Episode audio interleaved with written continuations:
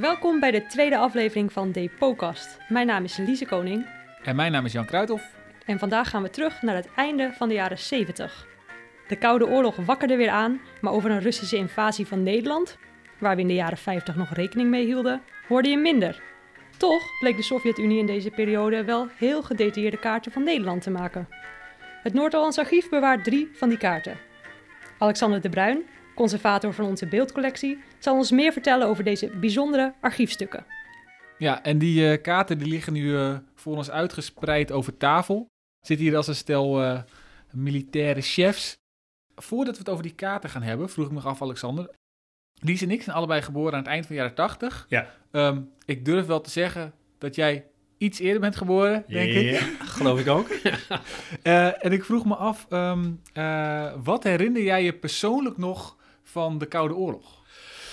Oei, nou dat zijn best wel een hoop dingen hoor. Want eh, eh, zeker in de jaren zestig kwam dat toch eh, geregeld langs op het nieuws. En daar keken we thuis naar met mijn vader of met mijn ouders. En ja, dan hoorde je allerlei zaken die daar verband mee hielden. Ik, ik kan mij nog herinneren dat er eh, thuis op een gegeven moment toch wel een bepaalde spanning was. En dat was zo in de periode van de, van de Cuba-crisis. Dus de rakettencrisis die er is, eh, die er is geweest. Ja, mijn eh, persoonlijke preoccupatie is altijd eh, weer, eh, was altijd het moment wanneer er in het nieuws weer bericht was dat er een spion was opgepakt.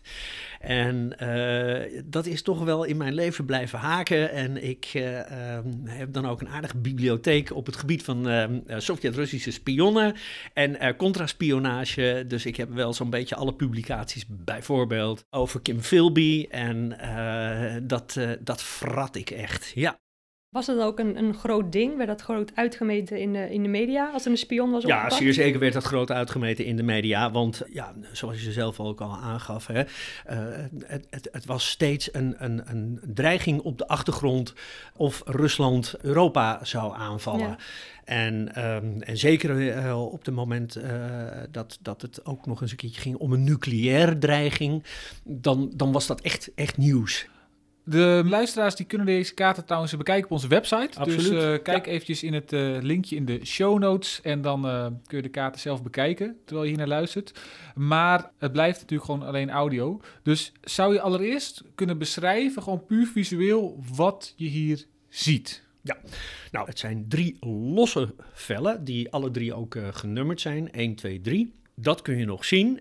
Het eerste blad, dat begint bij eh, Velsen, het Noordzeekanaal, met een groot stuk van Beverwijk.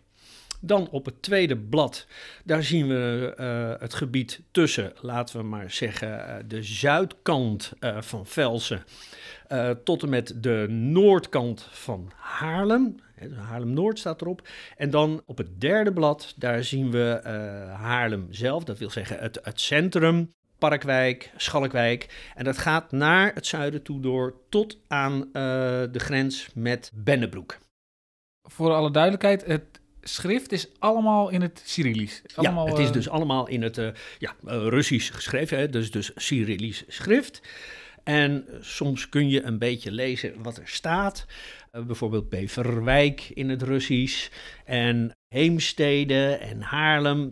Als je nou, eh, bekend bent met, met eh, laten we zeggen, ook het, eh, het Griekse schrift, kun je dat wel een beetje eruit halen. En als je dan weet dat soort eigenaardigheden, dat een B in het Russisch een W is, ehm, dan, kom je, dan kom je nog wel, eh, kun je nog wel een eindje komen, ja. Deze kaarten die dateren uit 1977. Ze zijn allemaal gedateerd 1977. En dat was een periode waarin eh, ook de dreiging, hè, de Koude Oorlog, eh, op een hoogtepunt was. En wat je, wat je op deze kaart ziet, dat is het volgende. Kijk, die Russen waren in geval van een invasie geïnteresseerd in een aantal zaken. Ze wilden namelijk weten waar militaire, strategisch belangrijke complexen lagen, industrieel belangrijke complexen en administratieve belangrijke complexen. Op de bovenste kaart zie ik allemaal zwarte grote vlekken. Zullen we maar gelijk beginnen inderdaad bij Velsen. Je ziet dat daar een hele hoop zwart is. Dat komt exact overeen met wat de Russen dan industrieel belangrijk strategische complexen waren. Dus de hoogovens. Die zie je daarop afgebeeld in het zwart. Het hele grote hoogovencomplex. En het was zo dat in uh, Haarlem in deze periode had je de Ripperda kazerne. Dat was een belangrijk strategisch militair complex. Daar was een onderdeel van de cavalerie gevestigd. En als uh, klein jongetje fietste ik daar toch regelmatig langs. Ik ging al eigenlijk op heel vroege leeftijd op de fiets naar de stad, zelfstandig. Maar op een gegeven moment heb je het eind van de Vietnamoorlog. En al het materiaal van de Vietnamoorlog, dat werd overgebracht uit Vietnam naar Duitsland, West-Duitsland. Amerikaans, Amerikaans materiaal. En ik uh, reed op een gegeven moment uh, langs de Ripperda-kazerne en daar stonden dus al dat rollend materiaal van die Amerikanen uit Vietnam. Nou, werkelijk, ik keek mijn ogen uit werd toen ook heel zwaar bewaakt. Dat kan ik me ook nog herinneren. Hè. Dus militaire politie, die liep daar aan de andere kant van het hek. En uh, uh, ja, dat, dat trok enorm veel bezoekers natuurlijk. Uh, nou, bezoekers, publiek. kijkers, publiek. Ja, dat, dat, dat was heel bijzonder. Maar goed, in ieder geval, dat was dus een belangrijk militair complex. En dat wilden ze ook precies weten waar dat dan al lag. Dus dat is ook heel exact op die kaart aangegeven. Hoe, hoe, zie je dat zo op die kaart dan zo ja, exact? Daar heb je helemaal een punt. Um, militaire complexen die zijn aangegeven met groen. En uh, ja, dan moet je dus op de tweede kaart kijken. En dan zie je eventjes boven de bolwerken, daar zie je een uh, groene, groene streepjes. Van die de... donkergroene streep. Ja, exact. En dat, zijn, uh, dat, is, dat is de Ripperda-kazerne. Dat was dus een, een belangrijk militair strategisch complex. En dan was er nog een tweede belangrijk strategisch informatie die ze wilden hebben. Dat was namelijk, wat zijn de administratieve belangrijke gebouwen. Nou, en, en, dat is ook weer interessant met betrekking tot het Noord-Hollands Archief. Want die werden allemaal aangeduid in het paars, die administratieve complexen. En daarvan zie je er in Haarlem een flink aantal. Je ziet het uh, stadhuis, de grote markt uiteraard. Je ziet aan de kleine houtweg, zie je ook paars. Daar was toen ter tijd het Rijksarchief gevestigd. Um, dan zie je ook nog uh, de gevangenis in paars aangegeven. Hoe kwamen de Russen aan deze informatie? Want het is erg gedetailleerd en we hadden geen uh, satellietbeelden zoals we die nu hebben, zodat we toegang hebben zeg maar, nou, tot Google Maps. Er waren wel spionagevliegtuigen hoor, uh, die konden heel hoog vliegen. Uh, maar ja, eigenlijk het, het allerspannendste inderdaad van hoe deze kaarten tot stand zijn gekomen, dat is dat allerlei data verzameld werd op basis van de kaarten die je gewoon in Nederland kon kopen. Ze konden gewoon kaarten bestellen van Nederland. Zo eenvoudig was het. Dat kon je overigens echt niet in Rusland. Um, uh, maar wat nog veel leuker is, uh, is dat voor uh, de wegen vrijwel zeker is dat er vanuit Oost-Duitsland spionnen in Europa naar Europa toekwamen. The Spy Who Came In From The Cold. Toch wel eigenlijk de titel voor bij deze podcast. En die langs de wegen met hun auto rondreden. En die dan gewoon uitstapten. Hun auto parkeerde even langs de weg alsof ze pech hadden. En dan eventjes met hun, sorry, met hun voeten op de grond stampten. Om te zien wat voor een type weg daar was. Want zelfs dus de wegen, het, type weg, het wegdek, is genoteerd. Want ik kan dus Al... niet heel veel uitmaken. Nou ja, je kunt dus op basis van, uh, hè, van de kleuren uh, uh, is, is bekend, hè, dat, dat kun je ook lezen in de legenda, is bekend wat voor een type weg het is inderdaad. En waarom is dat zo belangrijk? Nou ja, dat is natuurlijk belangrijk. Kijk, als jij met een, een hoe heette die Sovjet-Russische tanks. tanks ook alweer? Ja, die hadden een bepaald naam. Maar goed, als je daarmee de straat in kwam rijden en je maakte een bocht draaide je in één keer gewoon alles eruit. En je moest natuurlijk uitkijken dat ze niet zelf met die tanks vast kwamen te zitten. Hè? En wat je nu ook ziet, is, is zo'n zo'n zo'n blauwe lijn die al die kaarten door, doorstreept, ja, zeg maar. Dat, dat klopt. Die lijn die gaf exact aan de grens waar Nederland uh, uh, onder water kon worden gelopen. Of, of, wat gewoon natte grond was. Zeg maar, als je de, de, de dijken doorstak. Als je de dijken zou doorsteken, inderdaad. En dan zie je dus dat ter linkerzijde van die uh, dijken, dat komt helemaal overeen met het verhoogde duingebied. Dus daar zouden ze droge voeten houden. En ter rechterzijde daarvan is het een grote natte sompige zooi. En uh, was het mogelijk om de boel onder water te zetten. En, en is dat nou iets wat zeg maar gewoon in Nederland iedereen ook wel wist? Of hebben ze dat echt zeg maar helemaal uit zitten dokteren? Nee, dat was wel in Nederland bekend. Als je goed kijkt naar moderne kaarten uit die tijd, en daar wordt ook volop kleur gebruikt om, om hoogte mee aan te duiden. Dus dat was, dat was informatie die ze, die ze zo konden opvragen door middel van gewoon moderne kaarten. Maar er is nog wel iets grappigs met deze kaart, want zo exact als dat hij op sommige punten is, zo onnauwkeurig is hij weer op andere punten. En dan denk je van ja, hoe, hoe kan het? Een interessant detail bijvoorbeeld op de kaart, laten we zeggen de derde kaart, het derde blad. En je ziet uh, de Leidse buurt. En bij die Leidse buurt nou gebeurt iets heel opvallends. Daar zie je namelijk dat de Westergracht nog open ligt. En dat was in 1977 al lang niet meer zo. Die was al veel eerder was die, uh, gedempt. Dus gedempte Westergracht. En uh, ja, dat is dan wel weer uh, iets dat je afvraagt van hoe kan het nou, weet je wel? En, en, zijn ze dan hier wel geweest of zijn ze er nou niet geweest? Of hebben ze gewoon nog informatie gebruikt uit verouderd kaartmateriaal? Nou, dat laatste zal waarschijnlijk wel het geval zijn geweest. Het was dus inderdaad makkelijker om, om er iets op te zetten dan om na-onderzoek te doen en er iets af te halen. Ja. We hebben het over de Koude Oorlog. En de Ja. Koude Oorlog staat bekend om uh, de nucleaire dreiging. Ja. Dus de eerstvolgende oorlog die zou komen, dacht men, is nucleair. Ja. Is Rusland, is, was die een invasie aan het plannen? Want dit maakt allemaal niet uit als je een bom opgooit. Toch? Dus wat was het doel van deze kaarten? Nou ja, de, de, de, het doel was uiteindelijk wel dat er op een gegeven moment een periode zou zijn waarbij zij uh, het uh, zouden overheersen en bezetten. En dat ze dan wel moesten weten waar ze precies moesten zijn voor bepaalde type informatie. Uh, en, en, waar ze rekening mee moesten houden met mogelijk verzet. Precies, dus, dus nog gewoon ouderwetse oorlogsvoering. Ja, exact. Ja, ja. Weten we eigenlijk ook uh, wie deze kaarten gemaakt hebben?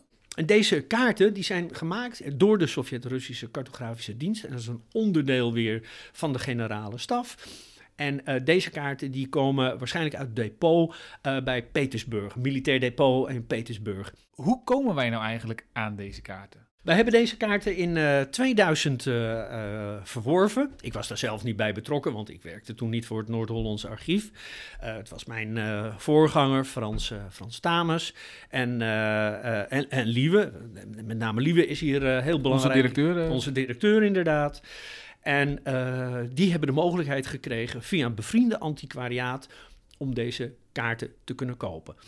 Uh, en dat is eigenlijk best wel bijzonder. Kijk, je moet je voorstellen, nadat het Sovjet-regime gevallen was, in zover je daarvan kunt spreken, heerste er in dat land een enorme chaos. En echt alles de duvelense oude moer werd allemaal verkocht. Uh, en uh, de, raketten, wapens enzovoort. En dit materiaal dus ook. En, en, en wat, wat, vinden de Russen er dan van dat wij hier met die kaarten nu zitten te pronken? Nou, ik weet dat ze daar toen allesbehalve blij mee waren. Alles behalve. Want het gaf toch een beetje een inzicht in de informatie, het informatieniveau en kennis. wat ze op dat moment hadden in Rusland over West-Europa. Wat ik heb begrepen is dat al heel gauw, nadat Haarlem wel deze kaarten had weten te kopen, de rest van de kaarten van de markt zijn verdwenen. En, uh, dus we waren net op tijd? Uh, wij waren net op tijd, ja. We zijn ook de enige archiefdienst die dit heeft. Maar ja. bedoel je dat er dus nu geen kaarten meer te koop zijn, misschien alleen op de zwarte markt, maar verder zijn deze kaarten gewoon niet meer te verkrijgen? Nou, dat is niet zo, op, uh, want enige tijd geleden stond er een artikel in het AD waarin ook weer werd gesproken over Sovjet-Russische stafkaarten, die zich bij een antiquaar in uh, Zwitserland uh, bevinden. Dus blijkbaar zijn er nog wel kaarten, maar ik weet helemaal niet of je die kaarten op dit moment uh, kunt krijgen, of dat die ook weer van de markt zijn afgehaald. Op kaarten voor het grote publiek zijn sommige dingen onzichtbaar, bijvoorbeeld de gebouwen van Defensie.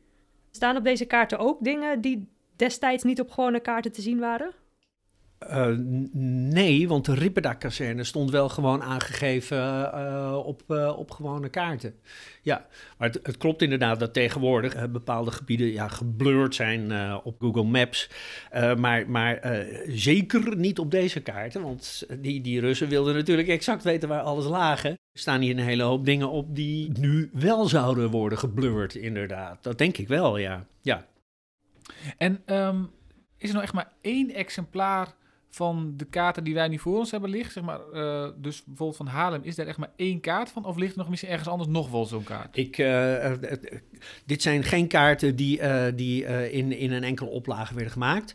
Eh, ik durf er mijn hand voor in het vuur te steken dat, eh, dat er nog meer van dit soort eh, kaarten zijn. En, en eh, met de val van de Sovjet-Unie zijn er daarna nog kaarten gemaakt, denk je? Zijn ze gewoon nog steeds, Russen, zijn, ze, zijn de Russen nog steeds kaarten aan het, aan het maken, denk je? Want ze zijn dus wel heel goed in, Ja, in het verkrijgen van materiaal. zij denken daar ja, dat, dat, dat wilde ik dus niet, ja, dat probeer ik dus te... Maar ja, in, in dat kamp zitten we nu, blijkbaar. Ja, Ja. eh, ik denk het wel. Ik, ik eh, durf eh, bijna te eh, beweren dat dat, dat dat echt zo is. Ik bedoel, eh, in feite, het heet nu geen Sovjet-Russisch meer, maar eh, eh, Rusland. En, en eh, eh, als je de hele geschiedenis kent van meneer Poetin, als je weet waar die vandaan komt, dat is gewoon een knalharde eh, Sovjet-Russische eh veiligheidsapparaatski. En eh, het zou mij niet verbazen, dit soort dingen gebeuren nog steeds. Ik bedoel, eh, tot vorig jaar was er toch geregeld in het nieuws dat boven de Noordzee Sovjet-Russische eh, vliegtuigen eh, werden onderschept en eh, keurig weer eh, teruggeleid naar, eh, naar, oosten, naar het oosten toe. En dat die foto's zullen hebben gemaakt, dat is wel zeker. Dus, dus er is nu ergens wel een, een, een, een militair in Rusland die kan zeggen dat, dat zijn leidinggever zegt van. eh, zeg, eh kameraad, eh, waar staat eh, het Noord-Hollands archief? En dan zegt hij eh, aan de Kleine Houtweg en aan de Janstraat. Twee belangrijke administratieve vestigingen. Do is het archief. Volgens mij zijn we er. Ja, heel erg bedankt, eh, Alexander. Nou, Eh, hartstikke graag gedaan. Geheel wederzijds.